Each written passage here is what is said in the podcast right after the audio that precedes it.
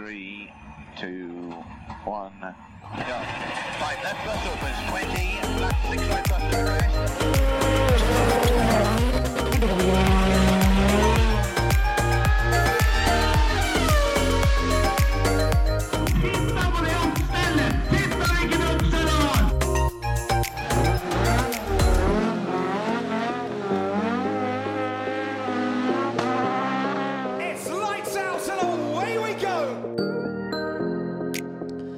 Var det klart for en ny episode av Førermøtet, da. Yes. da. Som alltid så begynner vi med opprop. Og Emil Antonsen.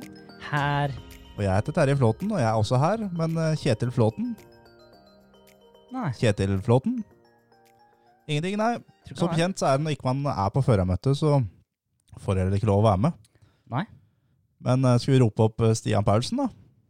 Jeg er bare litt opptatt av å vente litt, han skal bare publisere noe på Instagram. Jeg, gutter, så jeg, jeg, Helt perfekt. Ja, det er helt nydelig. jeg må jo reklamere for at jeg er her. Da. Ja, Ja, Det er veldig viktig. Og Jeg er klar der, faktisk, så nå kan vi preke i vei. vet du. da var vi på. Da er um, Vi kjører en litt sånn spesialepisode denne uka her. Med, um, med at vi har Stian i studio. Yes. Det er vi i grunnen ganske fornøyd med å ha. Du er en stor stjerne.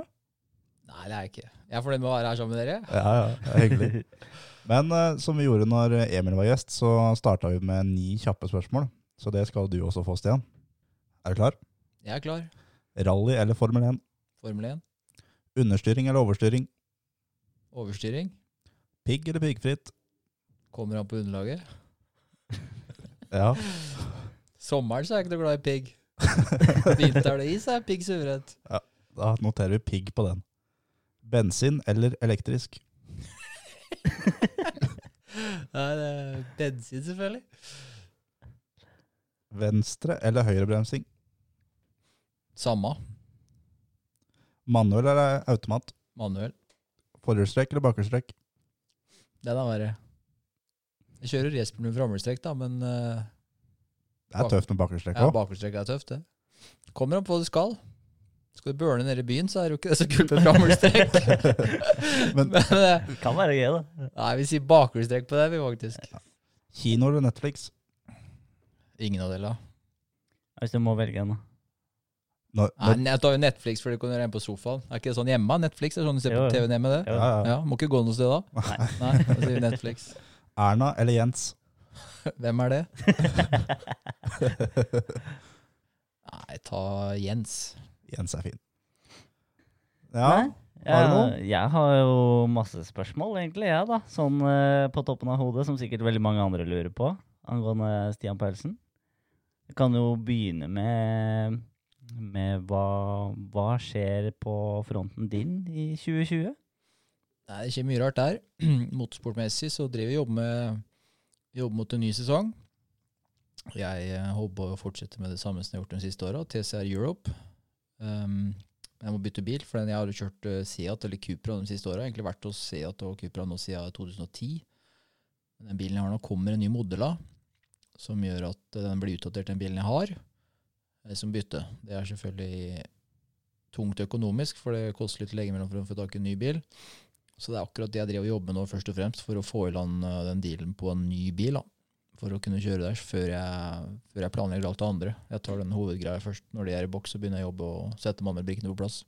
Åssen bil er det snakk om da? Nei, det kan vi ta neste gang jeg kommer. Ja. Men de er ikke gratisbilene. Det er, de er ikke gratis, fordi om det er en eh, TCR, er den klassen kjører, er jo en sånn klasse som er eh, lava for at det skal være økonomisk. Så det er jo Bilene er eh, overkommelig, for å si det sånn. Det er ikke, det er ikke uoverkommelig. Nei, men det er jo det er klart det er jo vanvittig store summer uansett i motorsport.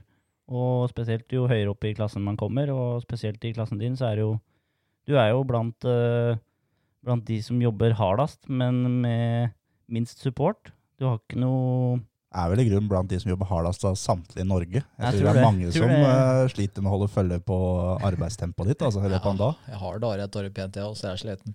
Det er Ja, ikke, Ja, men altså sånn eh, Hvis du kan eh, gå gjennom en racehelg for deg, da. Hva kontra hvis du tenker håper å si, Hvis du som hører på tenker at alle racingsjåfører kommer vanligvis med hjelm og dress og sko og hansker i bagen, og så setter de seg i bilen og kjører, Og etter de er ferdig, drar de hjem på hotellet, spiser en god mat, dusjer, går og legger seg. Hva gjør Stian Paulsen eh, i løpet av en reishelg? Ja, nei, det er, De fleste har jo, som du sier der, i hvert fall i klassen min, og sånn generelt på det nivået vi er på, så er jo de fleste kommer med fly og har alt lina, teltet og alt og biler og alt så klart når de kommer. For de leier seg inn i team, eller kjører for team. Reisehelga mi starter jo egentlig uke før. Jeg, skal jo, jeg har jo basen min med racerbilen, jeg driver jo teamet sjøl, og basen min er jo i Tyskland. Så jeg drar ned dit stort sett en uke før et løp. Um, holder på med bilen, forberedelser. Det er alltid mye som skal gjøres der. Eh, masse detaljer å gå gjennom. Um, pakker. Og når uka begynner å nærme seg slutten, så setter jeg meg i en sprinter da, med hengeren etter med racerbilen på, så kjører til disse løpa. da. Uansett hvor de løpa er hen. Ja, dessverre. Det er, eh, nei, det er stort, Fra Tyskland så er det stort sett overkommelig å komme seg til de løpa. Men klart her, eh, her for et par år siden så var det første løpet i Lisboa. Og Da kjørte jeg fra Norge. Dæven.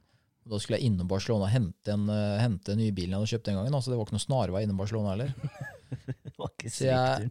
Og så var det opp til verst i Tyskland og til England og tilbake og hjem. Og da tror jeg det var oljeskift på sprinteren når jeg kom hjem igjen. Det hadde jeg tatt før jeg dro nedover. Du er, du er sånn passe dritlei av Mercedes Sprinter sånn etter en sånn helg, eller? Nei, jeg syns sprinteren er fin, den. Kamerater, vi liksom. Vi durer av gårde, vi. Men har du oppgradert deg sånn at du, du sover ikke i sprinteren hver gang nå, eller? Nei, vi sover ikke. Før så sov vi jo alltid uansett i den der varebilen eller teltet eller hva vi hadde med oss. Ja. Eller stasjonsvogna, for den saks skyld. Men nå sover vi på hotelløp på helga. Ja. Men jeg sover i sprinteren sånn øh, Hvis det er sånne avstander så jeg må dele opp kjøringa, da, og ikke tar det på en dag, så Ja, sover jeg i bilen. Eller hvis jeg kommer fram på banen sent på en onsdagskveld og kjørt fra tidlig, da. Mm. Kjørte en 15-16 timer i sprinteren da, så hender det at jeg bare legger meg i bilen og sover til dagen etterpå. Så det Én natt går, men over helga klarer vi ikke. Nei, det, det er godt du slipper nå. Ja, jeg er glad for det sjøl, egentlig. Eh, alle som har sett videobloggene dine, eh, og for de som ikke har sett dem, de burde virkelig gå inn og se på dem, for det er noe av det kuleste som finnes på hele YouTube. Ja. Takk for det. og det er sånn så det, virker som at døgnet ditt det har eh, mer enn 24 timer. Nei, det har ikke det, altså. Dessverre. For det, når er det du er i gang eh, om morgenen sånn til vanlig? Tidligere enn Emil, i hvert fall. For jeg ringte han jeg satt på, satt på Asylparken på Family Sports Club her eh, på tirsdagsmorgen, var det da, eller? Ja, ja, tirsdag. Da var klokka ti på seks eller noe. Hva svarte du ikke? Nei, det var ikke så rart. Da På morgenen, altså ti på seks på morgenen. Ti på seks på morgenen. Nei, da, da lå jeg godt og sov. Pokker at du hadde på lydløs da? Ja. Da, da var du ferdig trent, eller? Nei, jeg varma opp. Varma opp. Jeg prøver å Det er ikke alltid jeg er like flink til å stå opp, Også. Sånn som eh, Jeg prøver å stå opp. Jeg har klokka på ti over fem hver dag. Uh, ikke alltid i helgene, men, uh, men du står opp tidlig da, så lenge du er tidlig oppe eller tjuka. Det går jo litt automatikk i det, men uh, sånn som på torsdagen så sov jeg etter halv ni, for da hadde jeg hatt liksom fire harde dager. Så da, var jeg, da hadde jeg ikke sjøen. Da hørte jeg, jeg har ikke hørt klokker eller noen ting. Når jeg våkner da, så bare wow, med klokka nå, liksom?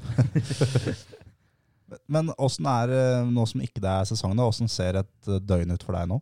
Hva er det du driver med om dagen? Nei, nå er det forlik på forskjellige ting. Um, jeg, pappa og min bror, vi spleisa på to nye verkstedbygg her for et par år siden.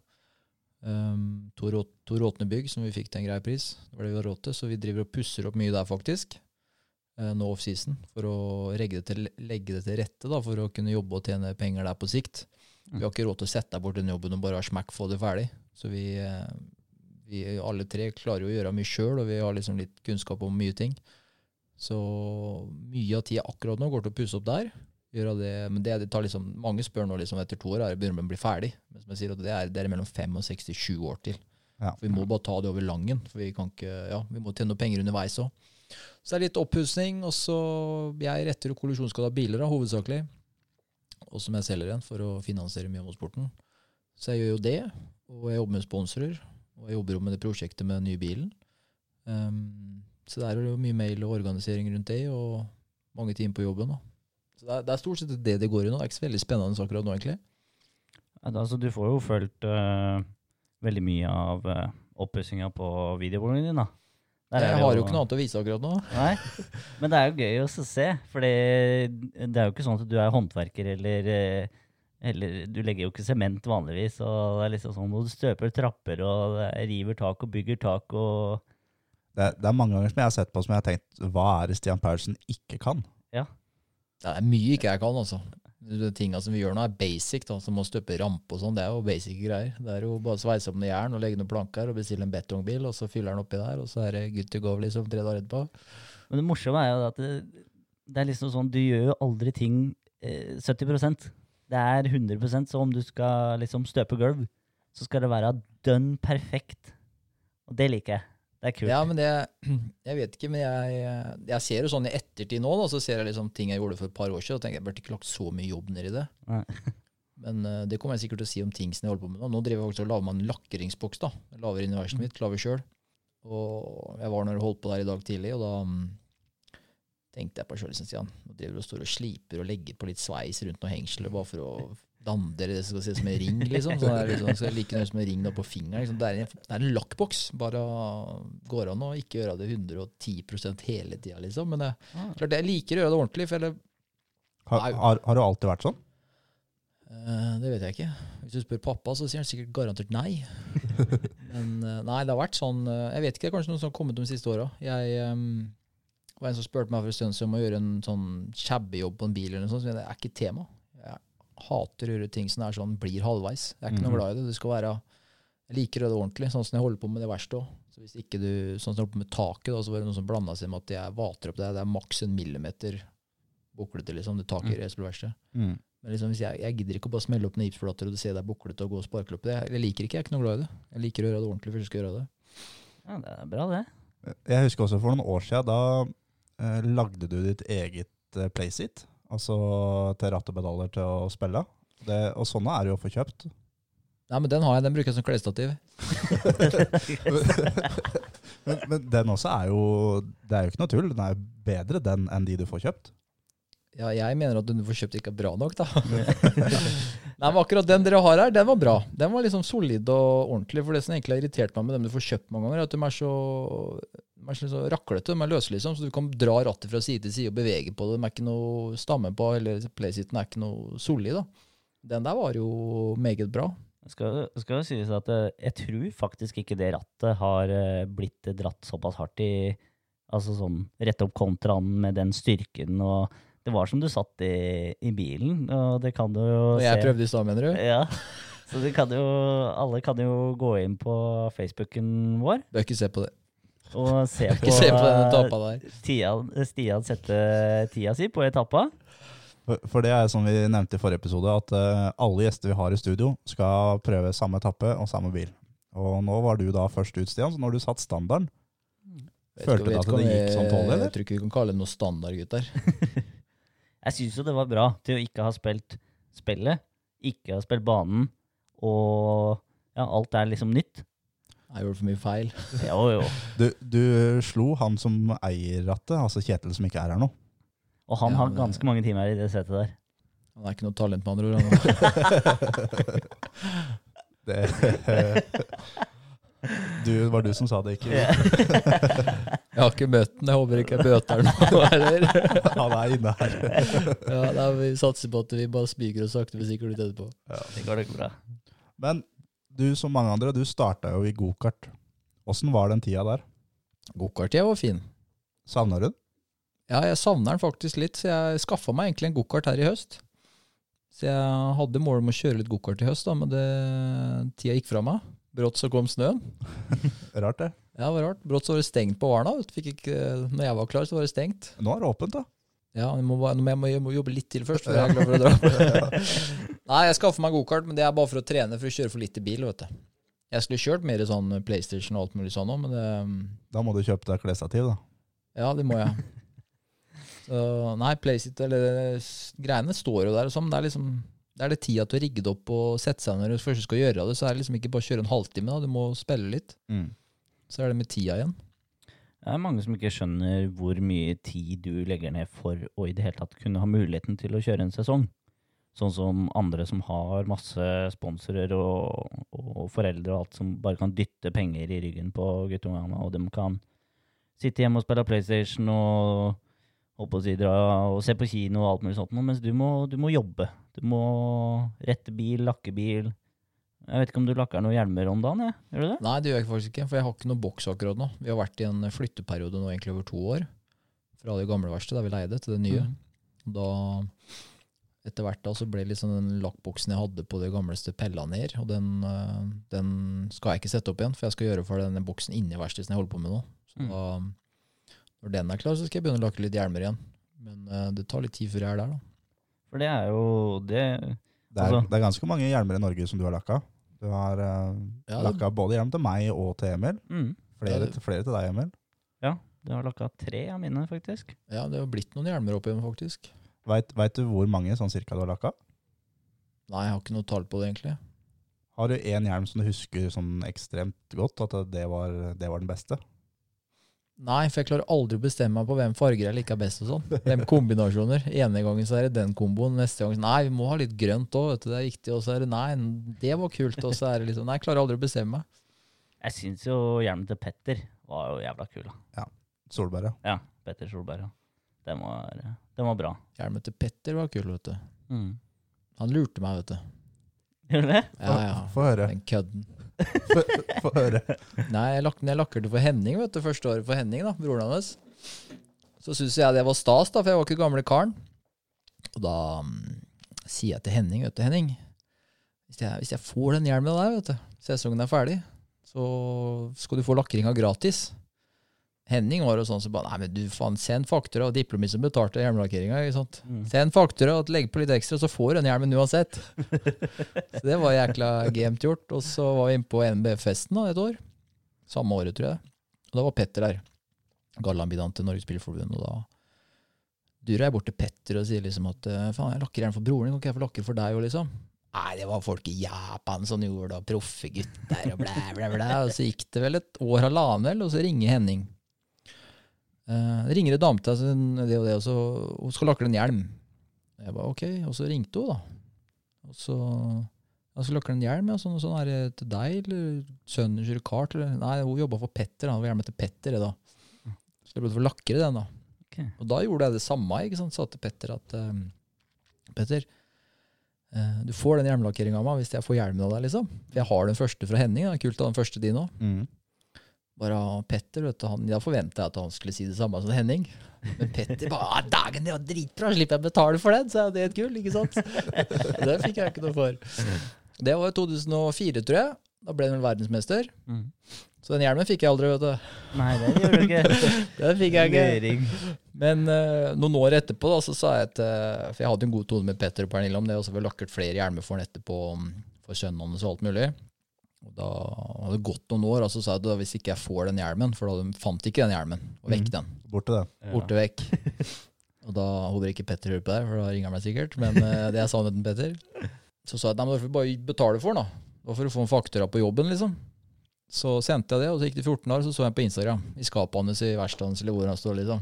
Utstilt. han ville ikke gi meg den hjelmen, da, vet du. Det var bra at han fant den, da. Ja, men jeg skjønner at ikke du vil gi bort den, Petter, men uh, avtale var avtale. Det var et sånn uh, jokerkort jeg kjøpte.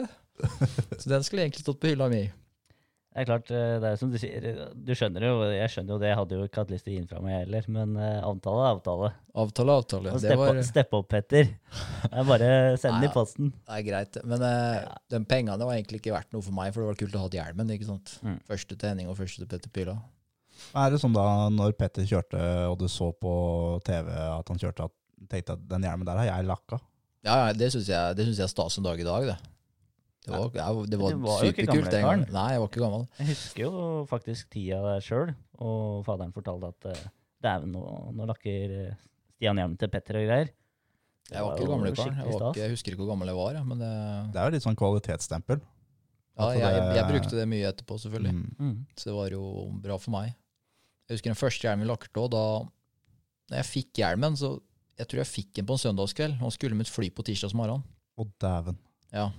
Normalt sett når du lakker en hjelm, da, så er det liksom to dager med farger, og så skal du legge klarlakk, så skal den tørke et døgn, så skal du slipe under den, og så legge klarlakk på nytt, og så skal du tørke et par dager før du kan begynne å montere hjelmen.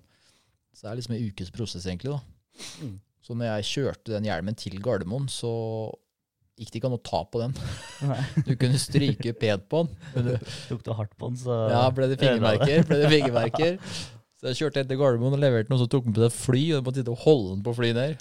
Det lukta jo maling av så jeg skjønner ikke hvordan de fikk med den på fly, men det var vel en tid det ikke var så strengt å ta med seg ting på fly, for jeg har aldri fått det i dag, i hvert fall. Lukta jo sterk laks som helsike av den hjelmen. Det gikk, det òg. Men er, er det sånn at du savner det å lakke hjelmen? Gleder du deg til du kan få begynt litt igjen? Ja, det eller er er, sånn. Det eller er er det bare herk, på en måte? nei, greia med hjelmlakkering er at det er vanskelig å få betalt for det. For det blir jo dyrt, men det blir mange timer òg. Mm. Så greia med hjelmlakkering er at det blir ikke noe bra timesbetalt. Nesten uansett hva du tar for en hjelmlakkering, så timeslønna di blir ikke noe bra.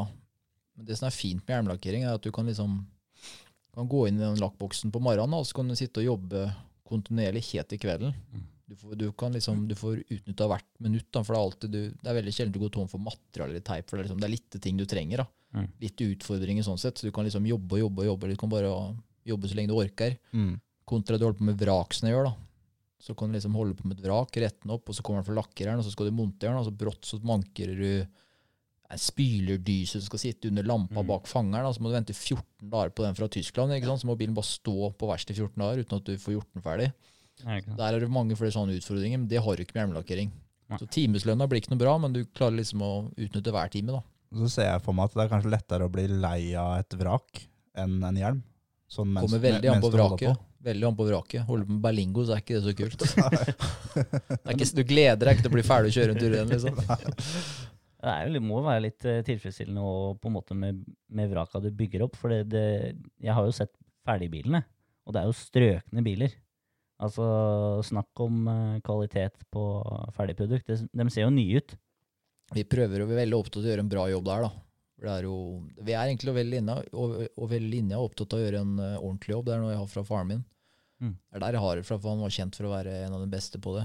Og levere kvalitet, da. For det er, jo, det er jo dessverre nok i den bransjen som retter biler at det er mange som mygler litt. Så det, det er jo vi provisert over, for det er mange som er med og trekker ned, eh, trekker ned bransjen sånn sett. da. Ja. Og gjøre mye dårlig jobb, for det har vært mye historier. Det er ikke så lenge siden det var en nede på Vestlandet her som ble tatt for å mygle veldig, så det ødelegger for oss andre som prøver å gjøre en ordentlig jobb. da. Mm. Mm. Og Da er det litt tilbake til det vi snakket om i stad, at alt skal være 100% uansett hva du gjør. Ja, jeg har nok det fra, fra faderen og vraka der, og så har jeg tatt meg det videre. Men det med de vraka, er det noe du har utdannet deg til, eller er det noe som er sjøllært, eller? Nei, hvis, jeg har jo lært det her av faderen, for det er hans yrke det her. Hvis du spør faderen, så er jeg sjøllært, for jeg har aldri hørt på noen ting av det han har sagt, sier han. Jeg har alltid gjort motsatt. Så jeg mener jeg har lært av han, men i forhold til han, så, ifølge han så er jeg helt sjøllært. Og du har tatt den lærdommen som han har, og så har du lagt på det som er nyttig, og det du føler er riktig. Det kan sikkert være riktig det du sier der, ja. Ja, for det, altså, du utvikler jo altså, Hele bransjen utvikler seg hele tida, og det er nye biler, og man må henge med. og Det er, eh, det er klart, det er, noe er jo sikkert eh, akkurat som det var for 50 år sia. Men eh, nå er det jo mye elektronikk og mye nytt, helt annet stål i bilene våre før, det er Mm. mye tynnere, og det er helt annerledes å jobbe med i forhold til gamle dager og sånn, så det, det er klart, det er, det er jo sånn det er i alle bransjer, det at generasjonene utvikler videre. At de som er yngre og kommer inn, og unger og sånn, får den lærdommen som de andre har brukt mange år på, da de, får de fort, og så utvikler de det videre. Har du noen biler eh, som er eh, salgsklare nå, eller noen du har jobber med nå, eller? Jeg har straks en salgsklar, eller jeg har en salgsklar, og så en jeg holder på med som straks er ferdig. Så det er, det er hele tiden noen prosjekter her. Kjøpte en bil. er det? Jeg har en BMW 3-serie, og så har jeg en Volkswagen Caddy som straks er klar. Mm. Utfordringa med de vrakene noen ganger er at den Caddien som straks er klar, den kjøpte jeg i oktober 2017. Ja. Den har gått 4000 km straks. Det var nesten ny bil når han uh, krasja. Så den, eh, der strakk ikke tida helt, helt til. Så det, det er ikke noe bra sånn businessmessig, for den bilen har tapet seg ganske mye på to år. Ja. Men eh, det er sånn det er. Ja, ja. Så hvis du er eh, ute etter en, eh, en bra bil som har gått eh, vanvittig lite, så er det i hvert fall bare å Er det så trenger. Caddy, så er det bare å ringe meg. Firehjulstrekk og lang og hvit. Perfekt. Nydelig bil. Og hvis det er noen som har en Berlingo som er skada, så send dem til noen andre. Ja. Nei da, Berlingo er fint, det. Du ser at du har lært mye av faren din. Når du kjørte gokart, hadde du noen du så opp til da? Som du liksom prøvde å lære noe av, eller var, er ting sjøllært Ja, på jeg, jeg så opp til Anders Hansen, som eh, er fra Fredrikstad, som kjører rallycross. Han bygger seg en ny rallycrossbil om. Han eh, var mitt forbilde mm, når jeg begynte med gokart. Jeg begynte med da jeg var ti år. Da var Anders eldre enn meg og hadde kjørt i mange år og var vel allerede norgesmester, sikkert. Fra samme by. Og foreldra våre var venner, så det Jeg så veldig opp til Anders liksom den gangen. Men nå er det sånn som han ser opp til meg. Ja. Sa til meg for en stund siden, det har snudd, sa han. ja. Det er ikke så rart. eh, Du har jo bygd opp en fantastisk karriere med Jeg vil si det, det er liksom Du har eh, selvfølgelig mange, mange som har vært med og støtta opp igjennom og hjelper deg og sponsa og, og hjelper til på løp med, med skruing og, og alt sammen. Men eh, jeg vil jo si det at du kan jo Du kan gi deg en god klapp på skuldra sjøl òg, for å si det sånn. Jeg pleier å si det sånn at jeg, jeg utnytter muligheten. Mm. For det er ikke så mange som får den muligheten heller. Jeg er veldig heldig som har den muligheten og har klart å holde på så mange år. Så jeg føler vel at jeg har utnytta den 100 Mm. føler jeg. For det, er, eh, det har vært gjennomførbart, bare med å stå på litt. Klart det er mange som har det sånn, men er mange som har mye lettere òg. Ja, ja, ja. Så det, jeg har hatt mye fine sponsorer opp igjennom, og har det fortsatt. Så det, mm, jeg har ikke noe mål om å gi meg, gi meg ennå, faktisk. Så vi skal holde på, forhåpentligvis skal vi holde på mange år til. Det satser vi på. Og så, og så, så lenge du får, eh, fortsetter å få eh, støtte og, og hjelp, så er det ikke noen tvil om at du er med og herjer i mange år til. Forhåpentligvis er det riktig der òg. Tror du det at hvis du hadde fått uh, en kontrakt som mange andre har, at du kommer på løpet med hjelmen i handa, hadde du blitt verdensmester da? Hvis du kunne også kunne uh, Hvis du kunne bare drite i alt, da. Uh, Blir bilen krasja, så er ikke det ditt problem. For det er jo det som er nå. Bare vært sjåfør, liksom. Ja, kun vært sjåfør. Uh, over tid Jeg skulle nok klart å Jeg, hadde, jeg tror sjøl at jeg hadde klart å bli verdensmester. Men det er klart det er tøft å bare si det at ja, det hadde du klart. Men jeg vet med sikkerhet at jeg er eh, Jeg er kapabel til å klare det hvis det hadde vært i rette bilen rette teamet. Mm. Mm. Jeg var jo Jeg var og kjørte et løp i Kina her for et par år siden. Da tok du fly, eller? Da tok jeg flyet, Ja. da kjørte jeg ikke.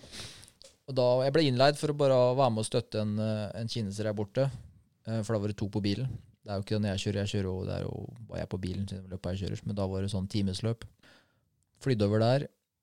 Det var så behagelig. Bare komme, alt var lina. Bare konsentrere seg om å kjøre den bilen. Og det gikk jo, det gikk jo superbra, det. Jeg, eh, I løpet så kjørte jo også var, Der borte var også VM i TCR, som var den gangen. Stemmer. Eh, og jeg kjørte den kinesiske serien, men VM-serien var jo på samme bane samme helga. Uh, og flere av de gutta som kjørte VM da, par av dem, de hadde også meldt seg på i den kinesiske for å få mer okay. kjøretrening på banen. ikke sant? Ja. dobbelt. De kjørte dobbelt, kjørte to klasser hele helga. Og han J.K. Verney, som heter, han franskmann, som vant VM det året der, han, uh, han starta også i det kinesiske løpet. Det gjorde jeg òg. Jeg starta fem, for han kineseren som jeg kjørte sammen med, hadde kvala fem. Men sånn som teamkameraten til JK skulle holde først. Mm. Jeg starta fem, men etter tre runder så leder jeg. JK har to. Og jeg gjør en feil rett før en halvtime, så han kommer forbi meg, da, men jeg ligger og har ikke hjelp på han når det har gått, gått en halvtime når vi kjører inn for bytte. Mm. Mm. Så jeg, han ble vant til å være en VM det året der, så jeg, jeg er ikke noe dårligere sjåfør enn han. sånn, så Det er bare at han har jo line hele veien og har den muligheten. Så jeg er sikker på at hadde jeg fått den muligheten, så skulle jeg klare å utnytte den òg. Men så er det mange som tror at det er bare å, det er om å gjøre å få en telefon og spørsmål om det, men det er jo ikke sånn det funker. Det, du må jo stille med ganske greit budsjett for å kunne ha det sånn. Ja, absolutt. Det er, eh, hvis ikke du får en telefon og får den, får den jobben for et team som har ressurser, så må du betale team. Det er klart, det er, det er ikke egentlig noe å snakke om, det kan jeg fortelle her nå. Eh, Jeg har snakka om det, men jeg har aldri gått ut med det offentlig. Men her eh, høsten 2018 blir det. Jeg blir usikker i tall her nå, for jeg er jo i 2020 nå, så jeg må Ja, tenke meg godt om her. Ja. Eh, Da fikk jeg en telefon fra Sverige. Det var snakk om også Da fikk jeg en test for uh, Zion Racing. Den ble verdensmester i VTCC da i 17, tror jeg det var, med Ted Bjørk. Mm. Volvo. Ja, de bygde ny bil. Eller jeg visste, jeg visste man hadde bygd bil lenge. Um, jeg hadde også hørt på sommeren at navnet mitt var på lista for førere for VM 2019. Mm. Fikk en telefon og lurte kom for å teste. Så jeg gjorde det selvfølgelig. Testen var bra. Det var faktisk Første gangen jeg brukte bilen, var på en mandag. Da kjørte Ted Bjørk, han som vant VM i 17. Og jeg kjørte den på tirsdag. Så det Vi var nærme. Da var det tre førere som var signert. Det var Ted Bjørk, selvfølgelig. Så var det franskmann Ivan Müller. Han er vel tre ganger verdensmester. Mm. 50 år. Og så var det onkelbarnet hans, Elasher. Mm. Han var sånn coming gun. Veldig dyktig ung gutt. Så var fjerdesetet var ikke signert. Så jeg hadde et håp om å få det, og vi var nærme. Men uh, det fikk Andy Prilot, som er gammel Andy. ja. 6,47 og fire ganger verdensmester i touringcar. Så det er klart, det, det, det fikk jeg høre også på sommeren der, når jeg fikk høre at navnet mitt var på lista. Men så sa han men det er en tøff liste. Ja. Det var mange bra navn på den lista. sånn. Det er, sånn, det er kjipt å miste setet, men når det er Andy som får det, så er det på en måte Det er greit. Ja, det er greit. Det er, det er ikke greit, men det er, eh, det er forståelig. Ja. Ja. Så vi, vi har vært nærme, og da det teamet hadde vært full backing og burde ikke tenkt på noe kommet med noe penger der, for det er jo Da kunne sprinteren stått hjemme òg. Da kunne vi solgt den sprinteren, faktisk. Ja, det er. Bare flidd. Ja, så vi, var, eh, vi har vært nærme. Men det er jo ikke sånn at den, eh, den muligheten er jo ikke borte. Nei, det er bare å fortsette å kjempe på det, så kan det dukke opp en ny mulighet der. Det er som faren din sier, Emil, at talentet det blir ikke borte. Blir ikke borte. Nei, det er her forever, håper jeg. Det er det. Det gjelder jo bare for, eh, for folk å hjelpe til. Og, og har du lyst til å hjelpe, så er det jo bare å kontakte deg. Hvor som helst, egentlig. Det er det. Lett å få tak meg. Ja. Fordi altså Vi er jo ganske enige, spesielt her i, i podkasten, men også hele kretsen rundt, at det, det er svært få i Norge som fortjener eh, like mye support og penger som det du gjør for å kjøre. For det er ikke så mange skikkelig, skikkelig, skikkelig talenter vi har i motorsporten i Norge. Men eh, der er du helt klart eh, på toppen av den lista. Jeg var i hvert fall et talent en gang. Du har jo vunnet Var det Castrol Junior-talent het en gang? Som Ja. er um, 2004. det Første som gang. nå da er bilsportstalentet. Ja, Mm. vant det første året jeg var med. Hvem eh, andre var som var med det året der? Um, det var Kevin Johansen, Mats Franer, som du snakka om i podkasten din, Emil, som Ja. var med. Stemmer? Trond Svenkerud, tror jeg det var, kjørte rally. Og så var det Anders Grøndal. Og meg, jeg tror det var oss. Ja, jeg tror det. Jeg Det tror, er- jeg tror det er fem og fem som blir med, så jeg tror det var oss fem. Det er, det er jo en fin bukett, det, da. Ja, det var fint, det. Men vi, vi var helt sikre på forhånd Anders Grøndal skulle vinne. Mm. Vi hadde lest så mye i media og hvor mye han har vunnet, og hvor god han var. Og vi tenkte at det var ikke så, så mye som det sto om han hvor bra han var, så var jeg helt sikker på at han kom til å vinne. Så det var, eh, det var kult å ta den da, faktisk. Men Etter det, um, har du hatt noe støtte av NBF på noe vis etter det? Vært på noe landslag, eller Nei, De tilbød seg vel å betale, gi meg 5000 kroner i reisepenger til et løp i polocupen. Jeg skulle siste løp i polocupen vår, for da holder jeg an til å vinne det mesterskapet. Så da tilbød de seg litt eh, reisestøtte, men det var for at de kunne være med og juble etterpå hvis jeg hadde vunnet. da. Siden de har vært med og bidratt. ja. Utenom det så har det ikke vært noe. føler, føler du litt på det? At det er mange som ikke har dine resultater, som er på et landslag, men ikke du? Jeg har ikke tenkt så mye på det, faktisk. Det er flere folk som snakker til meg om det der. liksom Er ikke det teit eller rart, og hvorfor er ikke du med der, og bla, bla. Men jeg legger ikke så mye energi på det, egentlig. Det får de styre med dem som gjør det, og så holder jeg på med mitt. Mm. For det er noe dere to har til felles, at dere har eh, kjørt eh, uten noen form for støtte derfra. Ja. Og det var jo akkurat samme måten de kom til meg under eh, EM, når de så da at lå an til å vinne EM. Så kom det jo ganske fort en telefon og sa det at, eh, at eh, nå har vi fått plass til deg. Må gjerne være med nå. Og det er liksom eh, noe de ønska veldig sterkt, da. Men jeg hadde jo kjørt lenge og hadde jo blitt to i VM og sånn før det. og sånt. Det var bare, De kunne ikke risikere at det var store resultater uten at de var med på reisa. da.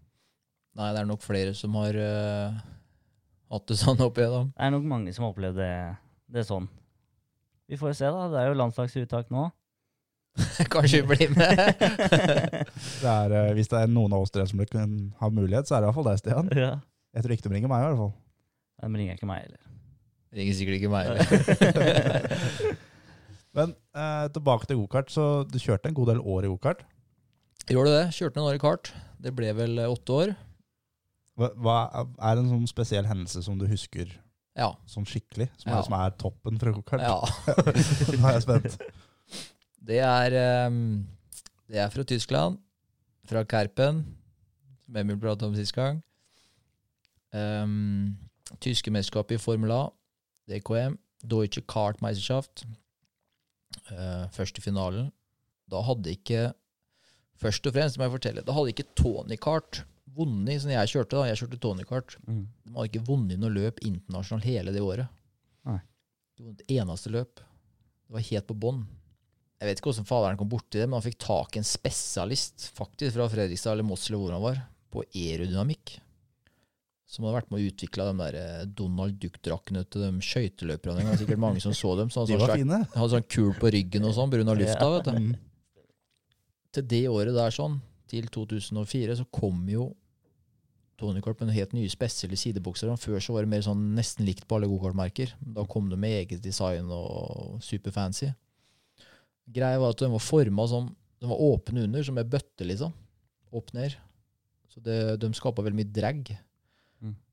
Så vi fikk tak i noe var noe, Jeg vet ikke hvordan pappa kom inn på den tanken, men han kom inn på den tanken at det her må være noe feil med de greiene her. Sånn. Så vi fikk tak i en spesialist som kom og så på det, og mente det var helt feil. Så vi fikk tak i noen sidebokser og sånn, for det var fritt du kunne bruke for andre merker. Mm. Så vi fikk tak i noen andre sidebokser. Satt på noe fra de ene gokartmerkene som gjorde det bra. Dro ned til Tyskland her, da. Det var vel den siste runden i tyske mesterskapet. Det var det, på høsten. Um, da kjørte vi også sånn sidesamarbeide med KSM, Stemmer. så det teamet der nede. Mm. Jeg husker han Peter Kaiser, han sjefen for det teamet, kom og sa In my team we only use original Tony Card parts.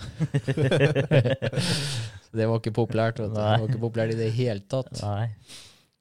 Men uh, når jeg starta fem, da, i for, eller første finalen på, på søndagen, og Nico Ulkenberg starta først, og jeg vant og Nico Ulkenberg ble to Da da, greit. Da gikk faderen forbi han Peter Kaiser og sa 'great sidebox', og ga han tommelen opp. Og da, da Peter Kaiser var jo veldig god kompis med han uh, sjefen på Tony Cart, husker jeg ikke hva han heter. Robazzi. Robazzi, jeg skulle si Borazzi, men det, det hørte jeg sjøl var feil før jeg sa det. Robazzi. Bare 14 dager etterpå så vinner Tony Cart VM med sånne sidebukser som vi hadde på. Det er rart, det der. Det er rart. Da er det bare å sende regning tvert. Skulle nesten gjort det, vet du. Ja. Det er jo ikke tvil om at uh, Peter Kaiser har sagt til Tony Cart at vi vant, og med de sideboksene. Nei, er helt eh, garantert. Sånn, det, Vi forklarte etter Peter Kaiser at vi trodde de her var bedre, og sånn og sånn på lufta, og sånn og sånn, og så brått så vinner jeg et løp der nede. Ingen som har vunnet med Tony Cart i Europa hele det året. Nei. Så vinner de VM 14 av redd på med like bokser. Det er ikke noe tvil om at det funka. Nei, altså med da Tony Cart på toppen, og sikkert da spørsmål fra Robazzi Hva faen er det dere har gjort? ja. Nei, vi kjørte med Birell-sidebokser. ja. Nei, så det er, en, det er den største Det er kult å ha bilde hjemme at eh, jeg passer i mål og med handa i været og titter bak meg, så det er Nico Hulkenberg som ligger der. Så han har kjørt Formel 1 på, så det var eh, Det er absolutt høydepunktet sånn eh, i karrieren min. Jeg vet jo faren din har tatt vare på et, et dekk. Ja, det har vi. For Nico Hulkenberg kjørte på meg i løp to. Ja. Klatra over meg. Han tapte faktisk det tyske mesterskapet så lenge han kjørte på meg. Det dekket ble revna opp, så det har vi skrevet Hulkenberg på å ha på hylla. Det er litt kult. Ja, det er kult. Er det, er det litt fett å se på Formel 1 og tenke at uh, han der er slått? Når, Ja, det er han- når han kult, kjørte det. Det er kult, det. Jeg møtte faktisk Nico Hulkenberg et par ganger etterpå i karrieren, før han kom til Formel 1. Prata med ham da, så det var kult når han kom til Formel 1. og Syns du det er tøft, da? Det er stas. Ja, det er tøft, det. Men uh, Formel 1 var aldri målet, eller? Nei, faktisk ikke. Det har aldri vært, uh, vært hovedmålet, faktisk. Jeg har alltid sagt DTM, for jeg har uh, Jeg har bare skjønt at Formel 1 er håpløst. Det er, uh, det er usaklig å si at det er målet. I hvert fall fra der jeg kom fra, så var det usaklig. Så jeg har Mm. alltid sagt touring car og DTM. Så det har vært målet mitt, for det har jeg følt vært, vært sånn som kunne vært oppnåelig. da.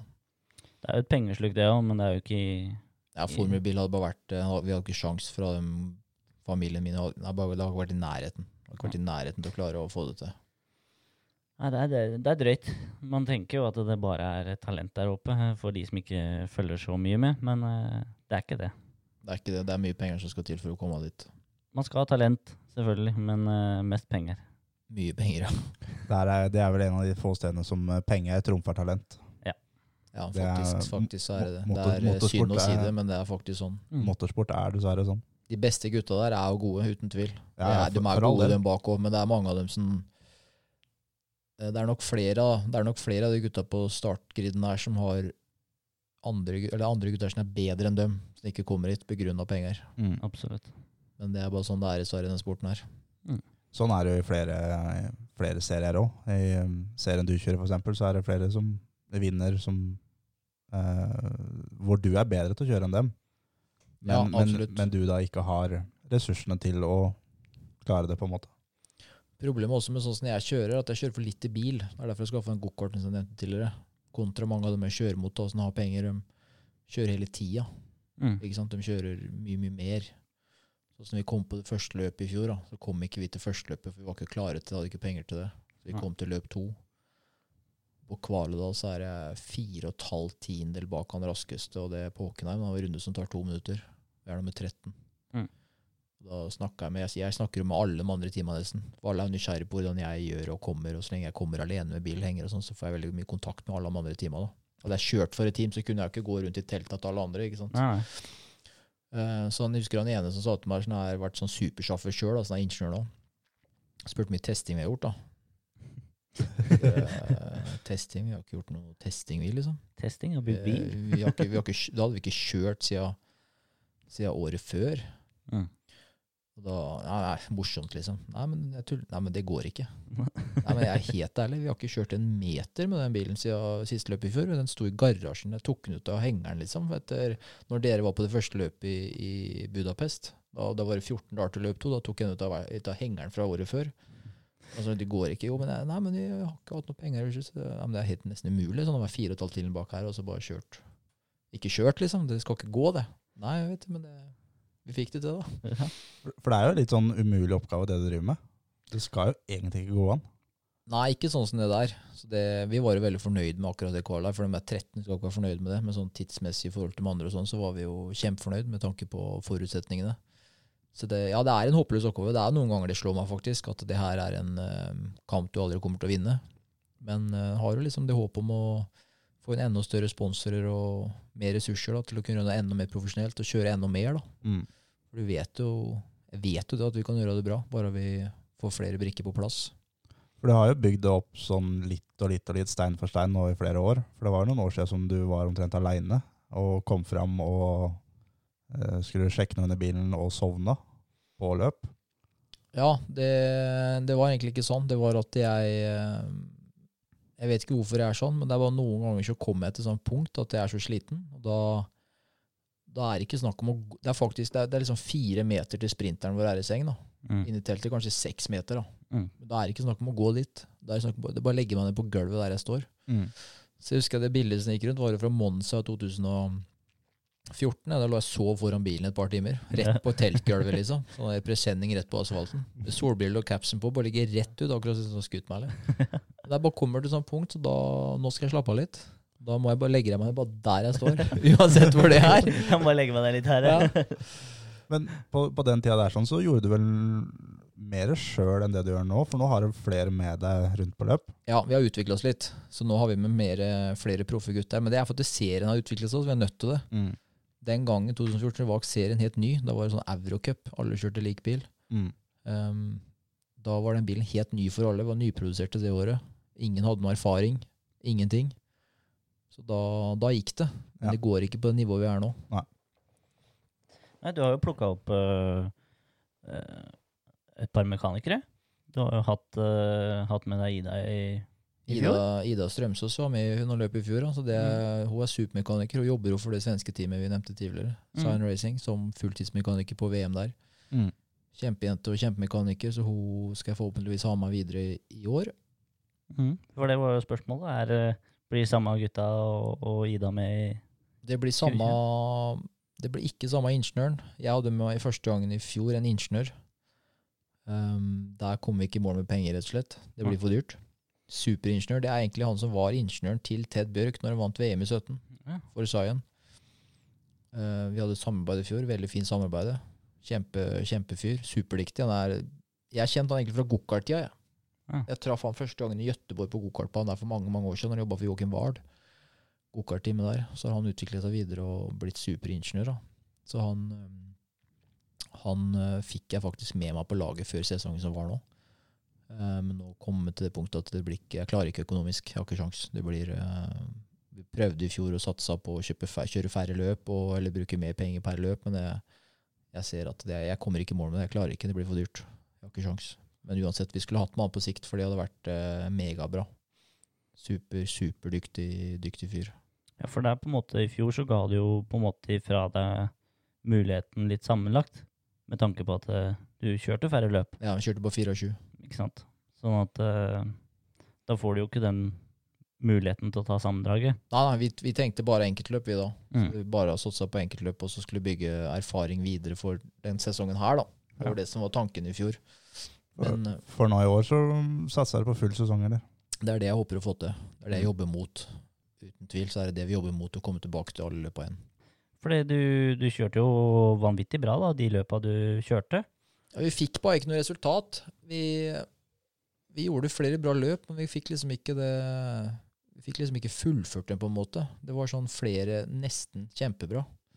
Så det var litt synd. Det var litt, eh, I fjor hadde vi faktisk litt stang ut. Mm. Jeg pleier, jeg pleier ikke å like uttrykket uflaks og sånn i motorsport, for det er jo mye med forberedelser å gjøre.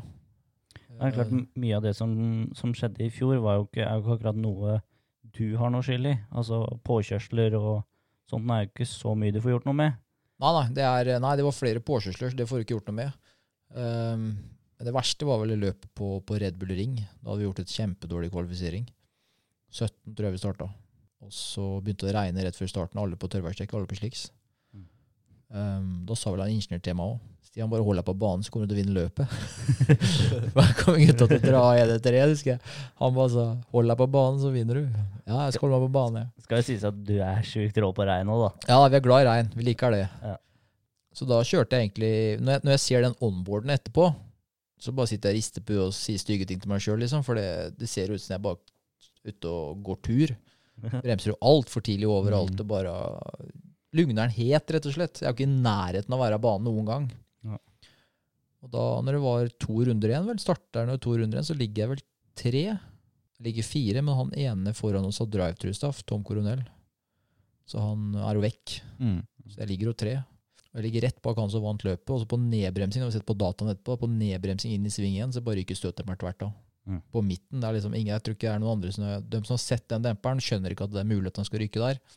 Ikke vært på curbsen, ikke gjort noe ikke noe, Nei, røk, på, røk, røk rett og slett på, på nedbremsing. Men Mm. så kan du også si det, ja, hadde budsjettet vært på plass, Så hadde den demperen vært bytta før løpet. ja, da hadde jeg i hvert fall sendt alle til service nå midtveis i sesongen igjen, da, til Mm. Bilstein, og så sjekka dem. Så det, det er klart, du kan kalle det uflaks, men så også kalle det dårlige forberedelser. da. Ja. Det er flere måter å se på det der på, men klart, det hadde vært et megaresultat. Det var jo vanvittig moro å se på. Ja, Det det var jo- nærme. Det var, det var litt for nærme, egentlig. Ja. Skulle det vært bedre vært litt lenger unna. Men det er, jo, så- det er jo sånn folk ikke tenker på, at du faktisk må sende deler til service. Og det koster jo jævla mye penger. Regninga, regninga må betales, den. Ja, Ja. all, all, og det er ikke bare, tenk deg Demperne, girkasse og motorservicer tar de andre mye oftere. og Det er liksom, det er sånn over hele linja. da, så det Bruke opp pengene på sånt det er ikke noe problem. Men det er klart når ikke det er budsjetter til det, så når, du står, når valget er mellom å kjøpe dekk eller så serve demperne, så kjøper du dekk. For, for du har flere ganger eh, stilt med brukte hjul når alle de andre har nye, pga. budsjettet. Ja, jeg gjorde ikke det i fjor, faktisk, for da satsa jeg på færre løp for å gjøre bedre. Så da har vi mye dekk. Nesten for mye, egentlig, hvis du spør meg. Men, um, Når jeg er vant til brukte, bare, så ja, blir det sånn. men åra før så har vi hatt, uh, har vi hatt uh, mye gamle hjul. Husker 2010, ja, i moro. Kjørte vi et løp i Belgia, og så når vi var ferdig, så gikk jeg og plukka brukt hjul i søpla til Michelin. Da husker jeg at jeg fant Jeg så hvem som hadde eid hjula. ikke sant? For de, når du kjører for team, så skrev de alltid nummeret på dem. For de har tre biler i teamet, og så skrev de jo bilnummeret på dekka og sånn og sånn. Mm. Så fikk jeg dekka til han Lorenzo Weigla fra Portugal. Skulle til Brands Hatch løpet etterpå. Og da var jeg raskere enn han på treninga. Med hans hjul.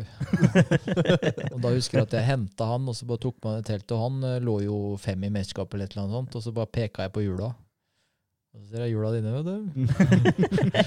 ser resultatlista. Han bare hæ? Ja, det må, ja, men det må bare skrot, sa han. Det var søppel. Nei, det må jeg kjørt fra deg med, da, vet du. Masse på de. Masse se på de hjula der. Fine. Det har vært flere sånne episoder opp igjennom. Men med, med det budsjettet som du har, da, er det sånn når du da blir kjørt på på banen, klarer å, å liksom eh, koble ut det å tenke at fytti helvete, det her er dyrt? Eller tenker du på det når det smeller? Nei, når det smeller, tenker du ikke på det. Du tenker på det veldig mye sånn rett et etterpå, og så når du er på vei til verksted, sånn på veien hjem fra løp. Da, da har du litt tid å tenke. Så jeg husker det på, på spa i fjor. Da vi gjort- vi gjorde mye dårlige kvalifiseringer i fjor. Det var det som egentlig ødela litt for oss. Da var vi raske, nest raskest på trening, to og sånn, men da kom kvala, og så tror jeg var 15 eller noe sånt. Grunnen egentlig til at vi var dårlige på kvala i fjor, det vet jeg jo, det er jo fordi at vi kjørte ikke første løpet. Mm. Og startstillingen i pit lane til alle kvalifiseringer var etter mesterskapets plasseringer. Okay. Og når det var 30 biler med nesten hver gang, så startet jeg nesten sist i pit lane hver gang. Mm. Og det ble alltid Det var for mye biler i fjor, rett og slett. Så det ble alltid gulflagg og rødflagg og sånn på kval. Så sånn som på Red Bull Ring der, så var, det, var jeg ute på t banen tre ganger i løpet av en halvtime med nye dekk. Og når du har nye dekk, så har du én runde på å sette av ti før de går saktere. Mm. Og jeg Ja, hadde, for, for det, runde to, det, er- det er uaktuelt. Det. nei, det har ikke sjans. Det er flere tiendedeler saktere. Ja. Og jeg hadde to gulflagg og rødflagg. Gulflagg kan du ikke sette ny raskere tid på. Og jeg hadde rødflagg på den andre. Mm. Samme på spa. Da fikk jeg gulflagg, rødflagg og en som sperra meg på de tre forsøka jeg hadde. Ja. Det er det som var utfordringa for oss i fjor. Vi var litt stang ut med den kvala der. og sånn Så, der. så da på spa starta vi langt bak. Løpet på lørdag var greit. Løpet på søndagen fra 15. Da tok jeg igjen han som det ble to dagen før. Han som ble to på kval og ble to på løpet på lørdag. Han tok jeg igjen fra 15. på søndagen. Mm. Kjørte forbi han, kjørte forbi Tom Coronel. Jeg tror det lå fem eller seks. Var på vei oppover i feltet, var en av, en av de raskeste. Så kom vi på enden av, enden av Camel Straight, og da kjører han Audien på han som ble to på, på lørdag. da. Han Urutevei. Han uh, bremser altfor sent og sender Tom Coronel bare inn i meg. Mm. Tom Coronel han slipper jo ikke gassen, han gir bare bånn gass isteden på onboarden. Så ser han Jeg retter opp den sladden. Han treffer meg over 200, og jeg får sladd. Men eh, jeg retter den opp to ganger, men tredje gangen klarer jeg ikke. sånn. Tom Coronel skyver meg med plog over den der eh, gressplensen her etter der. Mm. Og rett i autovernet. Men jeg holder på å få to biler i sida, da, for jeg blir skjøvet over banen igjen. Der kommer jo de andre fort. Så da, Det smalt litt. Det ble litt deler da. Men der og da så er det bare tenker du ikke på at det blir dyrt. Der og da så er det bare fuck it, liksom. Du bare, det driter du i. Men sånn når det har gått noen minutter, og du begynner å stå der og se på bilen, og når løpet er ferdig, så går det en runde rundt bilen, da begynner de tankene å gå med. Ja. Da er det ikke så gøy. Og så er det jo da for de andre så er det bare dyrt, men for deg så er det dyrt og mye jobb. For du fikser jo alt sjøl. Ja, jeg reparerer mye av de delene på bilen er jo karbon.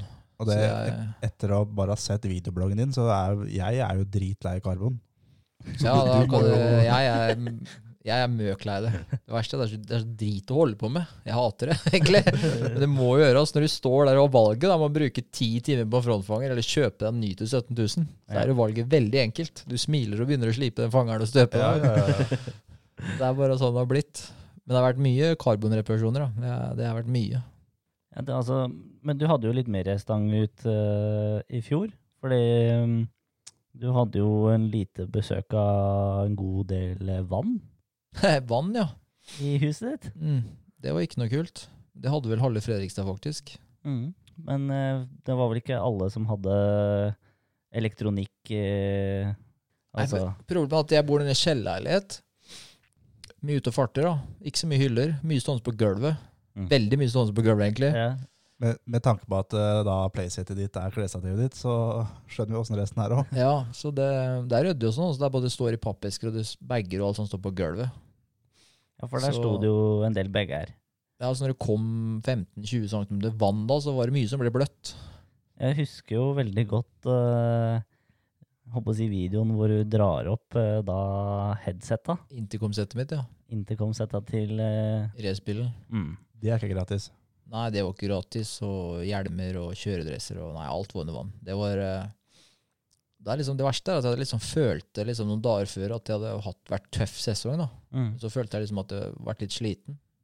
Så jeg følte da, for faen, nå begynner jeg liksom å få opp motivasjonen og få tilbake energien. Og, for det var en lang periode jeg ikke har stått opp tidlig og sånn, vært sliten. da. Da liksom Siste uka her så følte jeg nå begynner du å komme, i, komme på gangen. liksom. Nå begynner du å Nå, nå kommer det seg. ja, nå begynner du å stå opp tidlig og jobbe litt, og, og så bare fikk du den der i trynet. da. Så ble det én uke på knærne nede i kjelleren og vaske isteden. sant? Og da, da knakk jeg igjen. Jeg var faen meg lei, altså. Men det, det er ordna nå.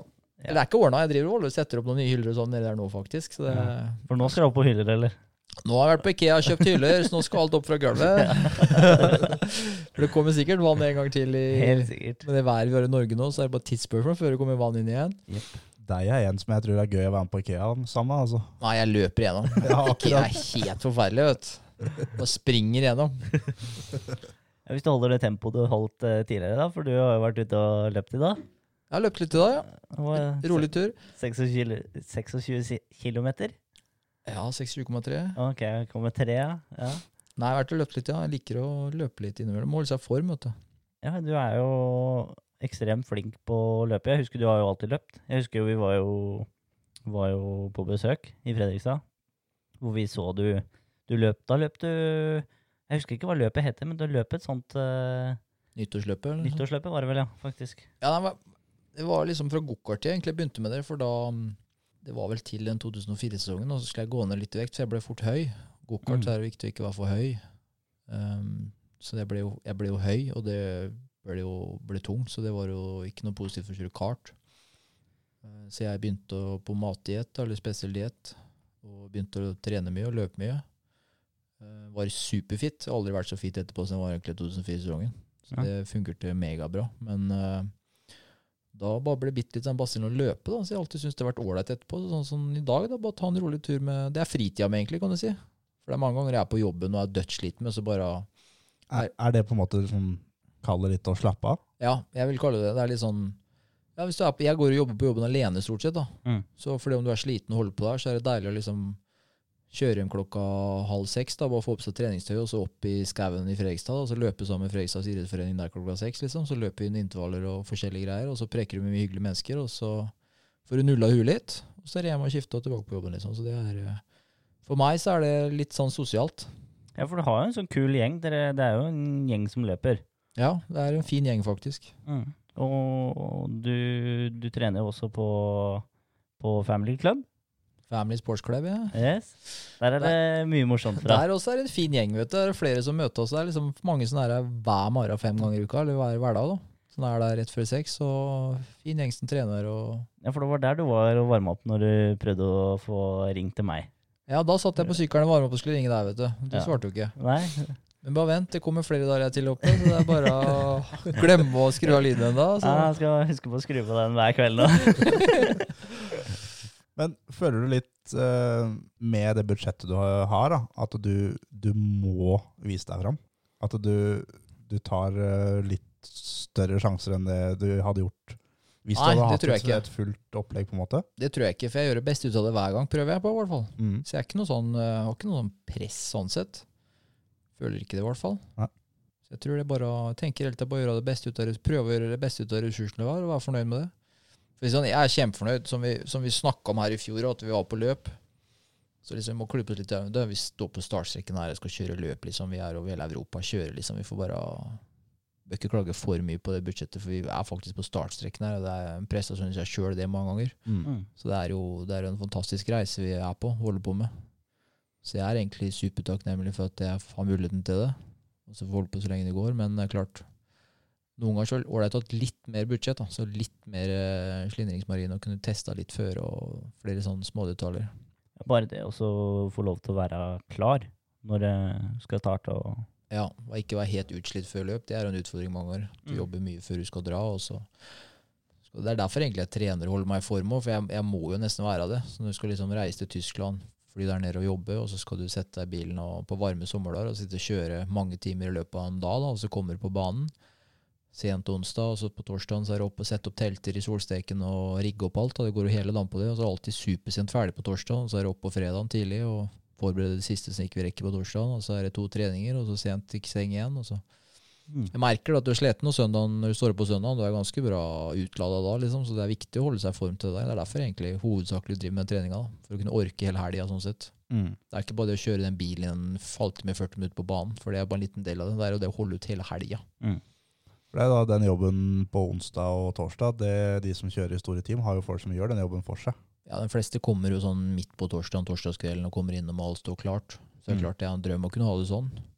Det har jo det har i hvert fall vært bra å se at det, det har vært eh, utvikling. For det, før så var det jo Du gikk jo gjerne og la deg sånn to, tre, fire tida og sånt nå på Ja, det, har, det, har vært så, det har vært så ille. Heldigvis ikke ofte, men det har, eh, det har vært sene kvelder noen ganger. Så det, vi har, vi har utvikla oss. Vi blir mer og mer profesjonelle for hvert år.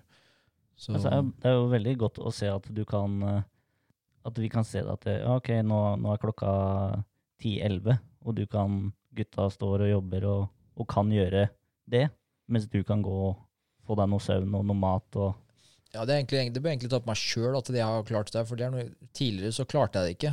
Ja. Så det er egentlig min feil, for jeg stola sikkert ikke nok på folk jeg hadde med meg. da. Okay.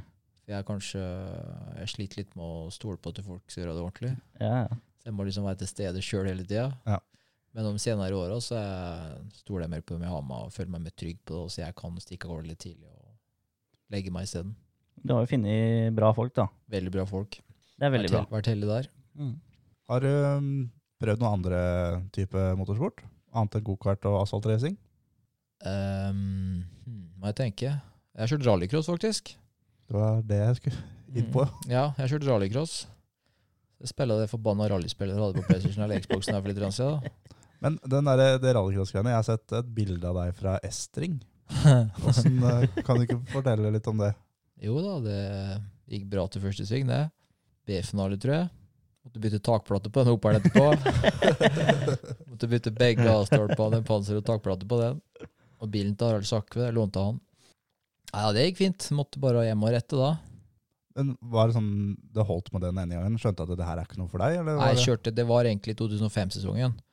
Eh, For da hadde vi en bra sesong i gokart eh, 4, 2004.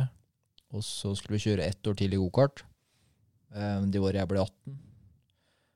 eh, tror jeg det var, eller om jeg ble 17, husker jeg ikke. Men i hvert fall da mm, Da skulle vi kjøre, det var siste året med gokart. Det var planlagt uansett at det var siste året med gokart. Mm. Men da, da ble jeg bare enda høyere og sånt den tida der, så jeg, jeg klarte ikke å holde vekta. Det var, ble sånn enda mykere hjul. Så Mm. når vi kom og skulle kjøre i utlandet, da, så var vi gjennom raskeste på trening igjen. Når jeg er høy, og ikke var dårlig fest i banen. Hvor Mm. mer fest det ble, hvor saktere gikk det for meg bare. Mm. Mm. Du får for høyt tyngdepunkt, og du, du henger ikke på. Det er et kjent problem, det. Ja, det er et kjent problem. Så jeg, vi, da bestemte vi oss midten på 2005 og bare, vi bare tjuvstarter 2006. Mm. Vi slutt, bruker ikke mer penger på gokart. Slutter med gokart. Og så fikk vi låne rallycrossbilen av Harald for å kjøre fire EM-runder. For da hadde jeg tenkt å prøve å kvalifisere til å kjøre Volkswagen Polo Cup i Tyskland til 2006. Mm. Så da tenkte jeg at det er bra kjøretrening til det. Så Mm. det er bedre å fokusere på det, og så begynne å jobbe mot neste år. Så da Harald er god venn av familien, så fikk vi låne en eh, bil av han, og kjørte vi fire, fire EM-runder. Åssen gikk det? Nei, gikk bra der òg, faktisk. Utenom mestring, da. For da ble det litt retting etterpå at vi krasja og rulla i første svingen der i B-finalen. Men uh, under grunn så gikk det bra. Vi var veldig fornøyd med det. Fin erfaring å ha med seg. Føler du at hvis uh, satsinga du har nå, uh, ikke går veien, da? Føler du at du kan gå tilbake til rallycross igjen og kjøre det igjen, eller er det uaktuelt? Nei, det er ikke noe jeg tenker på nå. Det er ikke noe jeg vurderte. Hvis ikke vi skulle få til noe kjøring i år, bare for å sette det helt på spissen, at ikke det går, Mm. så kommer jeg bare til å kjøre mye gokart og jobbe som juling mot 2021 for å ha tilbake bilen da. Ja. Det, er, eh, det er i så fall plan. Mm. Det er en- Li- det liker er en egentlig plan ikke å. Nei, men jeg, jeg, Liker ikke å ha en backup. Nei, jeg liker ikke å ha en backup, fordi um, jeg mener at du har en plan B, så alle sier det er noe til å falle tilbake på, sånn, men du skal ikke falle bakover, for det første. Plan B, Hvis du har en plan B, så går det ikke ordentlig innenfor plan A. Nei. Og plan, B- plan B er stort sett mye enklere enn A. Mm. Mm. Så det er bedre å kun ha A, for da skjønner du at det her må vi bare få det til. Ja. Nei da, men uh, jeg har i hvert fall tro på at, uh, at uh, vi blir å se deg i bil i 2020 òg, jeg. Ja, jeg har tro på det sjøl. Jeg tror vi skal få det til. Jeg driver og jobber med, jobber med en bilfabrikk nå, så jeg har allerede vært i Tyskland på et møte og skal ned på et nytt nå i midten av februar. Det blir kult. Så får vi se hva de sier. Men Da er det fortsatt kjøre eget team, eget opplegg. Fortsatt eget team, eget opplegg. Det blir spennende. Ja, det blir, jeg tror det blir veldig bra. Ja. Jeg tror det blir konge. Sponsorer er jo fryktelig, fryktelig viktig i motorsport. Hvor mye tid i løpet av ei uke er det du bruker på sponsorer og få tak i nye? Og, Det er veldig variert. for, for det er jo ikke bare å få tak i nye, du må jo holde på de en har. Jeg er egentlig altfor dårlig med sponsorgreiene og media. Jeg skulle vært mye flinkere på det. Men eh, er det en jobb jeg absolutt ikke liker å gjøre, så er det det med sponsorer. Har med det, at jeg hvert år så tenker jeg liksom lave, fine prestasjoner og skal ut og jage sponsorer og sånn, og så gjør jeg det i 14 dager. og så kommer det ikke noe penger inn. Og da blir det til jeg stiger ut på jobben og holder på, for da ser du i hvert fall at det blir noe utvikling. Mm. Jeg blir litt stressa av det, for jeg vet jo at det sponsorer får jeg ikke på 14 år heller. Det er jo møte på Mm. møte og blæ, blæ, blæ i lang tid, og så brått så får hun penger. Mm. Men det stopper opp for meg etter å ha gjort det noen uker, for da føler jeg at tida går fra meg at det her skjer ingenting. Så da føler jeg at det er mye bedre å gå ut på jobben og så rette vrak eller lakker hjelmer eller et eller annet, for da ser du i hvert fall sakte, men sikkert at det Jeg veit Kommer at her kommer det penger. Ja. Så- Så jeg eh, For det, er- du, du kan jo holde på med sponsorrobbing i tre måneder uten å få hver krone. Ja, ja, det er ikke noe problem, det. Det kan du holde på med i evigheter uten å få inn noe. Så det er eh, Nei, det der er vanskelig. Jeg syns det er vanskelig nå om dagen, egentlig, med tanke på alle elektriske biler de snakker om, og bilfabrikker og alt sånt. er jo veldig mot å sponse noe Ja, det, er, med med det er ikke så mange som er glad i å på en måte støtte det som skader miljøet. Jeg husker jo det, det sjøl, at det er jo Altså, du skal, du skal bli veldig glad i ordet nei. Ja, det blir det. Fordi det må det bli. det er jo sånn i jeg husker, Norge husker når jeg kjørte, da gikk jeg rundt i, fra, gjennom alle butikker i Stokke sentrum. Absolutt alle. Jeg tror jeg jeg var 11 eller 12 år. Og siste stoppet var banken. Fikk jeg 500 kroner cash av han som jobba der, og, og var dritfornøyd. Overlegen. Så da, og da alle sa nei. Det var, eh, og du blir dritlei. Ja, det er vanskelig. Det er veldig vanskelig, det der. Eh, sånn som jeg merker nå, det er veldig vanskelig å få tak i folk. Og først får tak i dem, så skal de sende, sender du dem med mail, for de skal ha det på mail, og så skal de for å gi deg et møte. Men så får du ikke svar. Og så purrer du, og så får du ikke noe svar, og så koker det bare bort. Mm. Så er det flere som sier ja, det skal du få. Og så Ja, var et tilfelle jeg fikk så lenge siden, liksom. Ringte en fyr, og så Jeg snakka med tidligere angående noe annet i karrieren, da. Så jeg Mm. hadde den på maillista. Ja, hva, det er hyggelig, sånn og sånn. Og så Nei, jeg kan ikke sponse. Nei, men jeg skal ikke spørre om spons. Jeg skal bare trenger eh, to sånne. fra kjøleskapet kjøleskap eller noe sånt som de hadde i varebeholdningen sin. Mm. Ja, det skal vi ordne. Det skal du få. Det er null problem, liksom. Send meg mail, da, så skal vi ordne det. Da har jeg jo riktig mailadresse, for han er jo på mailadressen min og sier han visste åssen det har gått og blæ, blæ, alt mulig. Så han er jo, men får ikke noe svar, vet du. Nei. Send to Nei. mail og ikke noe. Ring den etterpå, svarer ikke. Sånn er det. Det er sånn det er eh, mange ganger så Det er, eh, det er tøft, det der. altså. Det der er ikke, det er ikke superenkelt, det greiene der. Og det er ikke sånn at det er så gøy. Det er ikke sånn at du syns det er moro å purre på folk. Nei, jeg er ikke noe glad i å purre på folk. Når liksom, nei, jeg liker ikke. Føler ikke det er riktig. Og det, det å mase etter penger heller, det er ikke, noe, det er ikke en gøy situasjon. Nei, det er ikke gøy i det hele tatt. Du må liksom prøve å finne et produkt du kan selge, da. Men det er ikke alle Må finne firmaer som passer og sånn. Og så må du absolutt finne noen som er motorsportinteressert òg. Det er jo, Mm. Hvis ikke han sjefen er det, så er det jo håpløst å få det gjennom. Ja, det er liksom sånn, med mindre du har et bra team med, med sponsorer som de f.eks. er veldig interessert i å jobbe sammen med, da. Så, så er det jo hvis, hvis ikke de i det hele tatt er interessert i motorsport, da, da er det i hvert fall bare å glemme. Ja, det er håpløst. Det er mange ganger det er håpløst. Det, er, eh, det må du bare se an litt. Det er flere sånne som jeg har liksom bare skjønt etter og spurt at her bruker jeg ikke mer tid. Nei.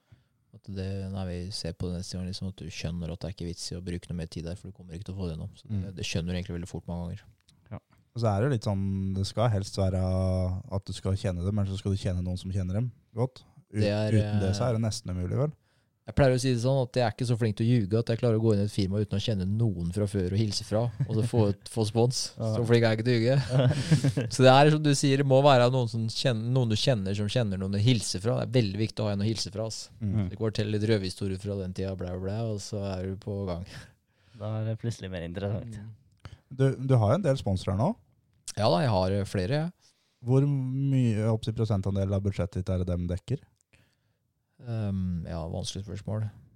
Det er ikke så mange prosent. Eller det er, det er jo noen prosent, men uh, det er nok ikke halvparten engang. Ja, For sponsorene dine er jo gjerne folk som hjelper til med materialer og sånn òg. Ja, får mye materialer faktisk rundt omkring. Det er Mhm. alltid mye lettere å få materialer av folk. Mm. Det er liksom i varebeholdningen, og det er lettere bare å glemme at det forsvant, liksom. Ja. Enn å gi rene penger. Betale en faktura er ikke så kult. Nei, det, det er vanskeligere. Så jeg, nei, jeg, Det er derfor jeg syns det er vanskelig å si liksom hvor mye har i spons òg. For jeg vet jo cirka hvor mye har i penger. Men sånn, du har nesten like mye i materialer rundt omkring. Vet så det er litt Mm. vanskelig å, Ja. vanskelig å regne ut det nøyaktig. Mm. Har du noen, noen råd til noen yngre førere som er i en situasjon som du kanskje var i for ti år siden? Så begynne å satse og skaffe sponsorer? Ja, det, det som fungerte for meg, det er jo ikke noe nytt. Det er mange som har gjort det før meg og etter meg. Um, det var jo når jeg um, det året jeg ble 19 år, da sa mamma og pappa at nå er det ikke mer uh, penger, liksom. Nå må du prøve å ordne dette sjøl. det er helt fair, det er helt greit. Det var på på tide faktisk at jeg bretta opp armene og begynte å jobbe litt sjøl. det jeg gjorde da, var at jeg laga bilder, sponsorbilder, sånn ålreit plakat som jeg ramma inn med ramme og glass, og kjørte rundt og solgte for 1200 pluss moms til firmaer. Jeg hadde faktisk ikke noe firma den gangen, så jeg vet ikke hvordan jeg dro inn momsen på det. Men eh, jeg tror jeg starta det faktisk etter å ha solgt noen biler. Det høres jo så mye bedre ut da, at det er 1200 pluss moms. Ja. Så da kjørte jeg med sånn bankgiro. Husker jeg moderen kjøpte meg, så jeg skrev liksom firmaet på og leverte ut der og da. Men det Jeg solgte 98 sånne bilder på én måned første året. På én måned. Ja. Satan. Og det var flere av dem som betalte fem pluss moms og sånn. Okay. Jeg ble faktisk ringt etter. Ja, du tok en på Karlotter her nå, ja. Det så mye penger det var. Det var litt, det var litt kronasjer det på en måned. Eh, 117 000, det. Ja. Da glisa jeg, vet du. Pluss moms. Da glisa Ja, jeg. please, moms. Nei, men det greia med det var jo at um, en av dem jeg solgte bilde til, ble jo hovedsponsoren min året etterpå. Mm. For sånn er jeg i dag òg, hvis jeg går rundt til sponsor i dag, da. Så spør jeg ikke om at du skal bli hovedsponsor første året. Mm. Jeg gir dem en grei deal å bli med som en liten sponsor første året, og så er du med, og så ser de, synes, hvis de syns det her er kult underveis og fungerer, og de syns det de får tilbake er bra, så kan vi heller snakke videre. Samme blir det med det. Liksom når jeg gikk rundt i firmaer, og det var, jeg tror det var tre som sa nei av alle jeg spurte. Jeg dro og spurte for å liksom komme inn der og så lurte på Nei, jeg burde på å selge det bildet for 1200 pluss moms. For et firma, alle har jo alle klarer 1200 pluss moms for å støtte og få et fint bilde på veggen. Mm. Så skrev vi liksom på bildet, og vi støtter Stian Perlsen 2006-sesongen, eller når det var. da. Mm. Bilde av bilen. Så det slo an når jeg var flere som Da var det sånn jeg dro innom noen, og sa ja, vent, da skal få nummer og adressa til flere andre firmaer jeg kjenner, liksom. Så jeg ble kjent med mye folk, da. Så en av dem jeg solgte det ble hovedsponsoren min året etterpå. Mm. Og vært med Sia som sponsor, som svær sponsor. Kult. Jeg traff jo han da, og han var ålreit. Og man hadde jeg gått inn til han og spurt om hovedsponsor og få masse penger det første året, så hadde jeg bare blitt jaga igjen. ikke sant? Mm. Så akkurat det å selge bilder, det er mange som har gjort før meg, som sagt. Og, men det er ikke noe sånn dustete greier. Lage et litt ålreit bilde og ramme inn med ordentlig ramme og glass, og så ser litt profesjonelt ut. Kjøre å selge det for en ålreit sum. Det er eh, genialt som å treffe folk, treffe sjefene, og så ikke spørre om for mye første gangen. Så lærer han litt av det òg. At det er, det er, du lærer at det er jo ikke farlig. Nei da, du vokser på det. Det er eh, det du treffer med mennesker, og du, du lærer veldig mye å. Kjøre rundt og gjøre det sjøl. Det var eh, supert for min del, i hvert fall. Ja, for det er, jo, det er jo noe med det der å, å, å begynne å spørre om penger, eller om spons. Det er litt sånn sånn du, du Det er en vanesak. Det er, det er eh, guffent de første gangene, men du Ja, det er ikke, det er ikke fint i det hele tatt. Jeg har hatt, jeg har hatt dager hvor jeg har jobba med det. og Så jeg har sett meg ut flere firmaer. Oslo, eksempel. Mm. Satt med bilen, kjørt inn her over en time. Parkert på utsida, og så bare Nei, jeg klarer ikke å gå inn. Nei, vi prøver neste. Jeg føler ikke det er riktig nå. Kjører til neste, nei. Så bare kjører hjem igjen til slutt. Ja. Du, må, du må ha da nå. Det er ikke bare jeg, I hvert fall er jeg. Jeg er ikke sånn som jeg kan bare Det, må, det er mange ganger jeg ikke føler at det passer seg. Jeg er ikke i form til det. Nei. Du må være litt på hugget når du skal gjøre det, faktisk. Så har vi også litt, eh, litt andre spørsmål her. Eh, hvilken kjendis ville du hatt som teamsjef eller spotter? Du kan velge to. En som teamsjef, en som spotter. Kjendis. Eller en kjent person. da. Jeg tar Petter Solberg er kjendis. Han er på TV, er han ikke det? Jo, han funker. Ta både Petter og Henning, da. Petter som teamsjef og Henning som spotter. Eh, Dårlig kombinasjon, tror jeg. Nei, men Petter har jo masse erfaring motorsportmessig. da. Sikkert Ja. sinnssykt mye jeg kan lære av han. Så det hadde ikke vært noe dårlig valg, sikkert. Ja, Et annet spørsmål da. Hva hadde du ikke gjort for en million kroner? Det var noe jeg er sinnssykt redd for. da. Ja, hva, hva er Stian Paulsen redd for? Jeg er ikke redd for så mye. Nei, det, Ed- De som, kjenner meg, de som og- kjenner meg godt, vil si at jeg ljuger nå. ja, Få høre, da. De vil si fader så tøft du er på podkasten. Du er redd for alt. Nei, det er vanskelig spørsmål. Jeg vet faktisk ikke. Dyr og sånn, da. Edderkopper og slanger og Slanger er det jo ingen som er glad i, er det det? Jo, Det er noen som er glad i dem, men eh, Det er mye sjuke folk. Nei, jeg hadde, jeg hadde strekt meg langt for en million. Altså. ja. Jeg hadde strekt meg langt. Jeg skulle gjort nesten alt, jeg da. Jeg prøver å gruble opp et eh, godt spørsmål her. Jeg kan, komme på, så jeg kan si noe jeg tenkte på når jeg hørte på den podkasten med deg nå på vei hit. Ja. Du snakka om lufttrykksmåleren din vet du, Ja, til faren din. ja. Jeg slår av, vet du. Gjør du det? Ja. Få høre. Jeg vinner. Har du enda mer kjent luftmål der? Yes. Å, fy faen. Fordi at uh, samme teamet som du kjørte for, Mm. KSN Det er KSM det heter nå. M nå, Ja, nå heter det det. KSN den gangen. det heter det. Slutt, vi hadde jo Vega-måler, vet du. Ja, det var det det var her Det var. Vega-måler Ja, til ja. ikke sant? Ja, ja, ja. Så jeg, jeg faderen hadde sånn Vega-måler som han kjøpte da han kjørte gokart. Så da jeg begynte å kjøre bil, og så et, etter ferdig med polocup i Tyskland i to år, så kjørte Da starta jeg etter polocupen. Det var sånn der da alle kom til løp da, med polocup. Da stilte alle på likt inn, og Volkswagen som drifta bilene. Så du kom jo på løp, og så kjørte du var alt rigga. Det var de to første åra av min bilkarriere Mm. i Tyskland. Det var sammen med DTM faktisk, og Grom 10. I hvert fall da når de to årene var ferdig, så kjøpte jeg Renault Clio, hvor jeg starta å drive mitt eget team. Stemmer. Da begynte jeg å kjøre i Belgia, og da kjørte jeg innom Kerpen på en av løpene, for jeg hadde ikke noe lufttrykksmåler, jeg fikk jo ikke låne den av faderen, for den var Ja, til det gokartkassa, ja. Ja, ja. Mm. Så ville jeg ha meg en sånn sjøl, for den var supernøyaktig, ikke sant, å ta lufta i dekka med. Mm. Så kjører jeg innom uh, KSN, da. Snakker med han Thomas der, jeg hadde ikke snakka med ham på mange år, gutta der, da. Så det var kult å se dem med noe sånn, og så spør jeg meg hva sånn Vega-mål du selger meg, da. Hadde de ikke flere, vet du. Hadde ikke flere, men så sier han Thomas Men uh, den her kan du ta, for den eh, den, eh, den tok Michael Schumacher ut forrige helg, så den er brukt på én ja, helg. Så den står det faktisk MS på, med tusj. Den er det greit du kjøper den brukte, eller? sa han, vet du. Jeg bare Ja, ja, det går, går fint, det. I du er på vei inn, så vi bare gir han den nye neste gang. Ja. Så jeg har faktisk lufttrykksmåleren til Mikael Schumacher liggende oppe på jobben. Ja, nå kommer far til å bli forbanna her om Ja. Vi hadde jo da oppsi, teamfest for teamet vårt i gokart i går. Mm. Og da ble det Derfor er det ser sliten ut i dag. mm. Og Den uh, luftmåleren ble jeg skrytet ganske mye av den kvelden òg. Vi det? fant ut det at den må være verdens mest kjente, for vi har ikke hørt om noen andre. Men nå har vi jo det, da. Ja, nå har det Han blei faktisk toppa der, gitt. Jeg gjør det det? Faen, altså. Jeg lo, lo, lo litt sjøl da jeg hørte det i bilen. Så jeg tenkte nå skal jeg dra den historien der, så jeg trykker det litt ned på det Ja, den er bra.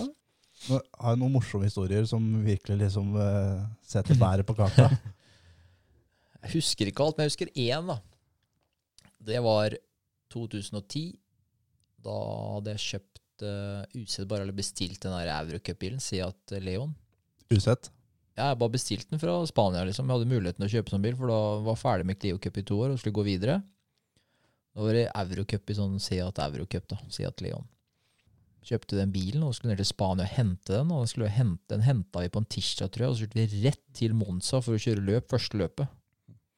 Så det var sånn der i siste litt av opplegg, det òg. Da skulle egentlig jeg kjøre alene ned til Barcelona og hente den, over til Monza, men da sa faren da blir jeg med, da.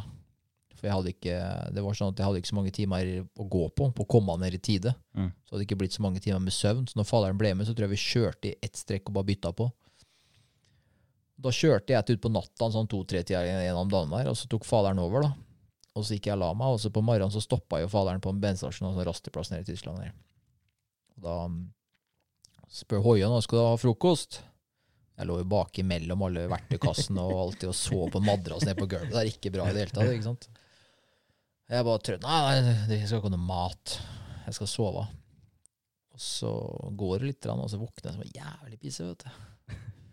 Jeg drar på og slipper sånn. Jeg har shorts og T-skjorte liksom, og går ut av bilen og går inn der på stasjonen og trøtt og jævlig går inn der. Og så når jeg står og pisser, liksom, rett og slett, så bare Jeg håper faderen sjekker at jeg ligger bak, så de kan gå ut tilfeldigvis når jeg står her nå.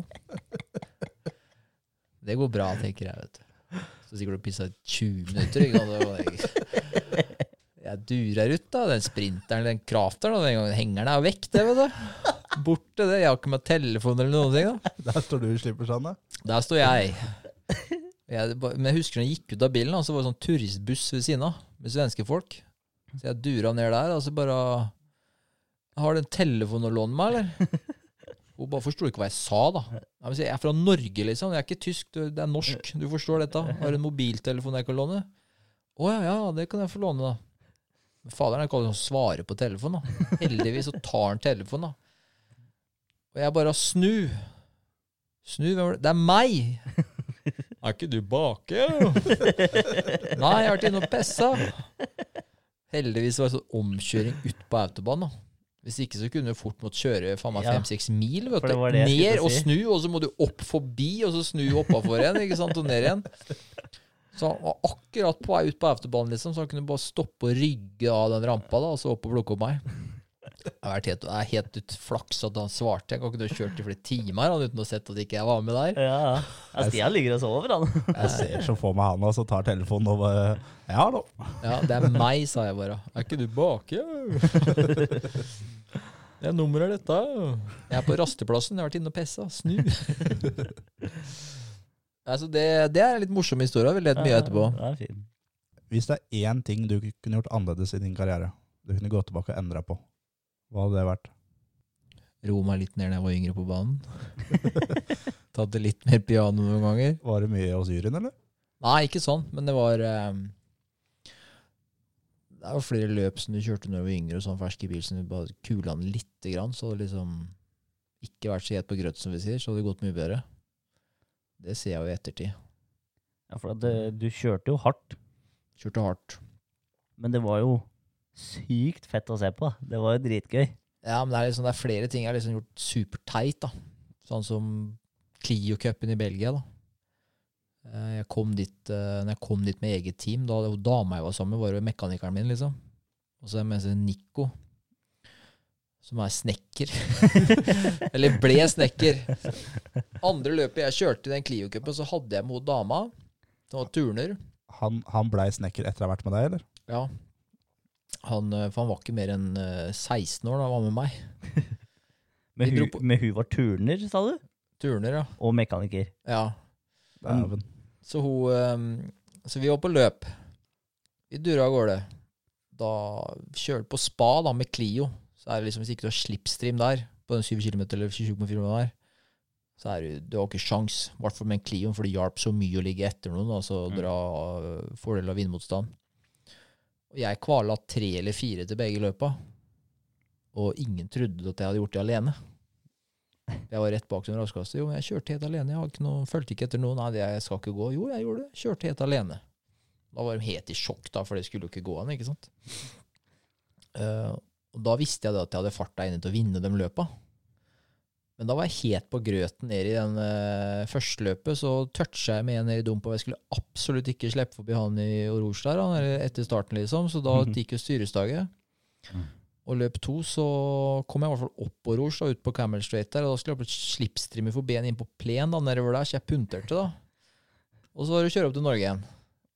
Det Da, da er det langt hjem, eller? da er det langt hjem. Du vet jo egentlig farta er inne til å vinne. Første året, lugn, sånn, så det er liksom Vært litt mindre het på grøten. Ja, skulle vært mindre het på grøten i yngre alder, ja, men det er jo ni av ti gjør jo den feilen, da.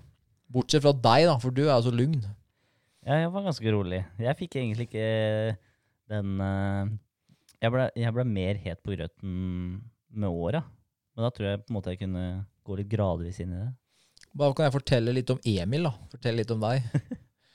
Når du kjører, når du kjører girkart, og du kjørte ute, så er det så varmt, det er så fest hjula, så når dere kommer til starten og skal stille under start, så sitter dere med henda på hjula og ruller.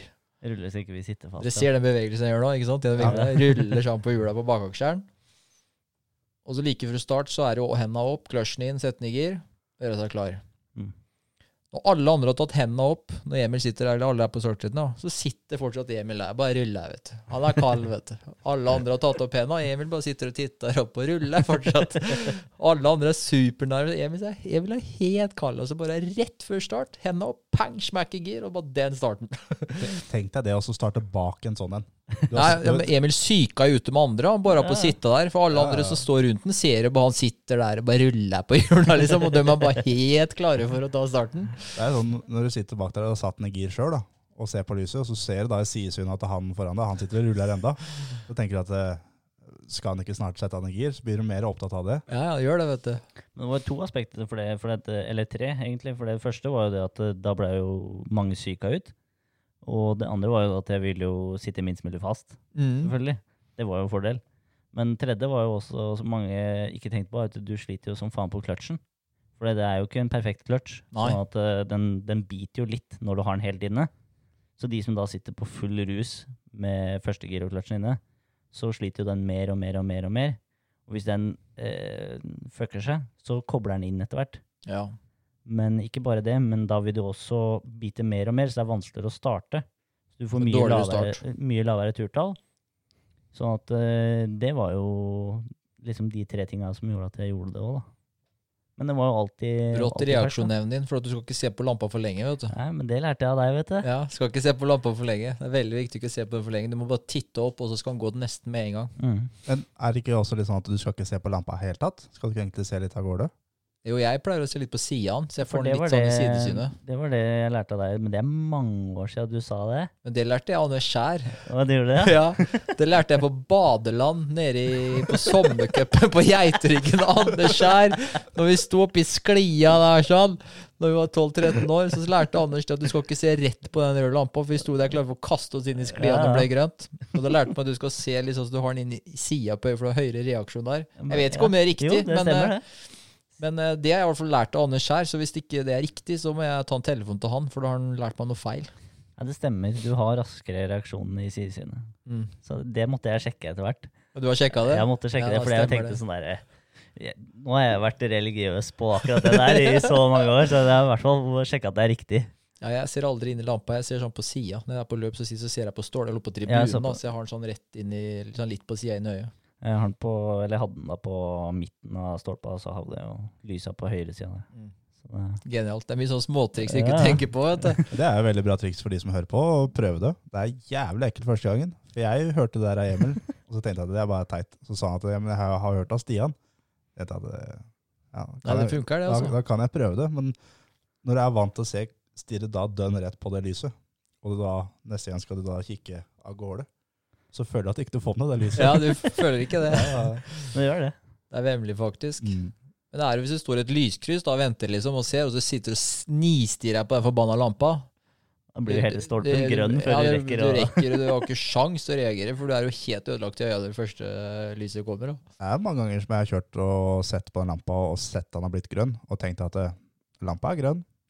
Nå er det på tide å begynne Ja, nå skal vi kjøre i gang. og da, da føler du at du står der i fem sekunder, men du reagerer jo likt som alle de andre likevel. Men Ja, ja. Det, sånn, det rekker å tenke at det, nå burde jeg egentlig ha lagt andre gir for det en stund siden. Ikke sant? Det er rått. Det er veldig bra initiativ dere har gjort her med den podkasten. Det syns jeg er kult. Ja, det er moro, det. På sikt så tror jeg det blir megabra. Kommer tilbake igjen, du. Jeg kommer tilbake. Jeg må sette av bedre tid på å spille der. Det som er at du må da få håper det hjelpe oss litt med å få invitert litt eh, folk til å komme hit som kan slå tida di. Så kan du komme tilbake og slå dem igjen. Ja, sånn gjør vi det. Nei, vi skal dele det her overalt her nå. Ja, det er. Så er det bare å gå inn på YouTube og søke på Stian Paulsen og se på videobloggene hans. Og Det er hyggelig hvis de gjør det, og subscriber. Mer følgere der, lettere å få tak i penger. Det er det. Og så er det mulig å få kjøpt noe klær av deg òg.